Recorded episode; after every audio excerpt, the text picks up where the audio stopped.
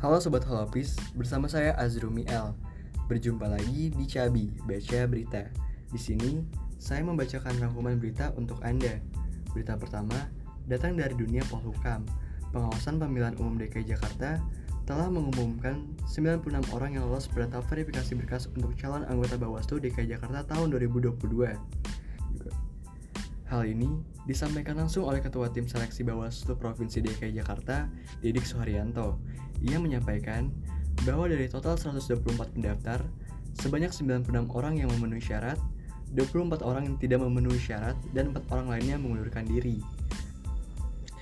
Berita selanjutnya datang dari dunia musik. Penyanyi berdarah Indonesia Niki baru saja merilis single terbarunya.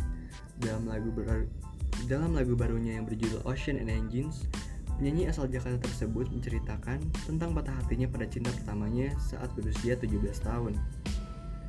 Beralih, beralih ke berita olahraga, Wayne Rooney telah resmi menjadi pelatih dari DC United.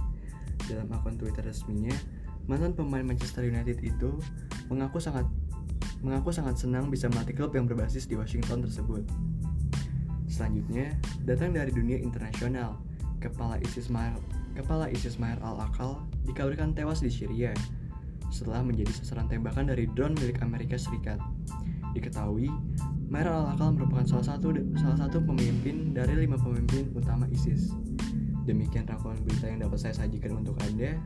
Berita selengkapnya dapat Anda baca di halopis.com. Saya Azrumi L melaporkan halopis.com bersama untuk Indonesia.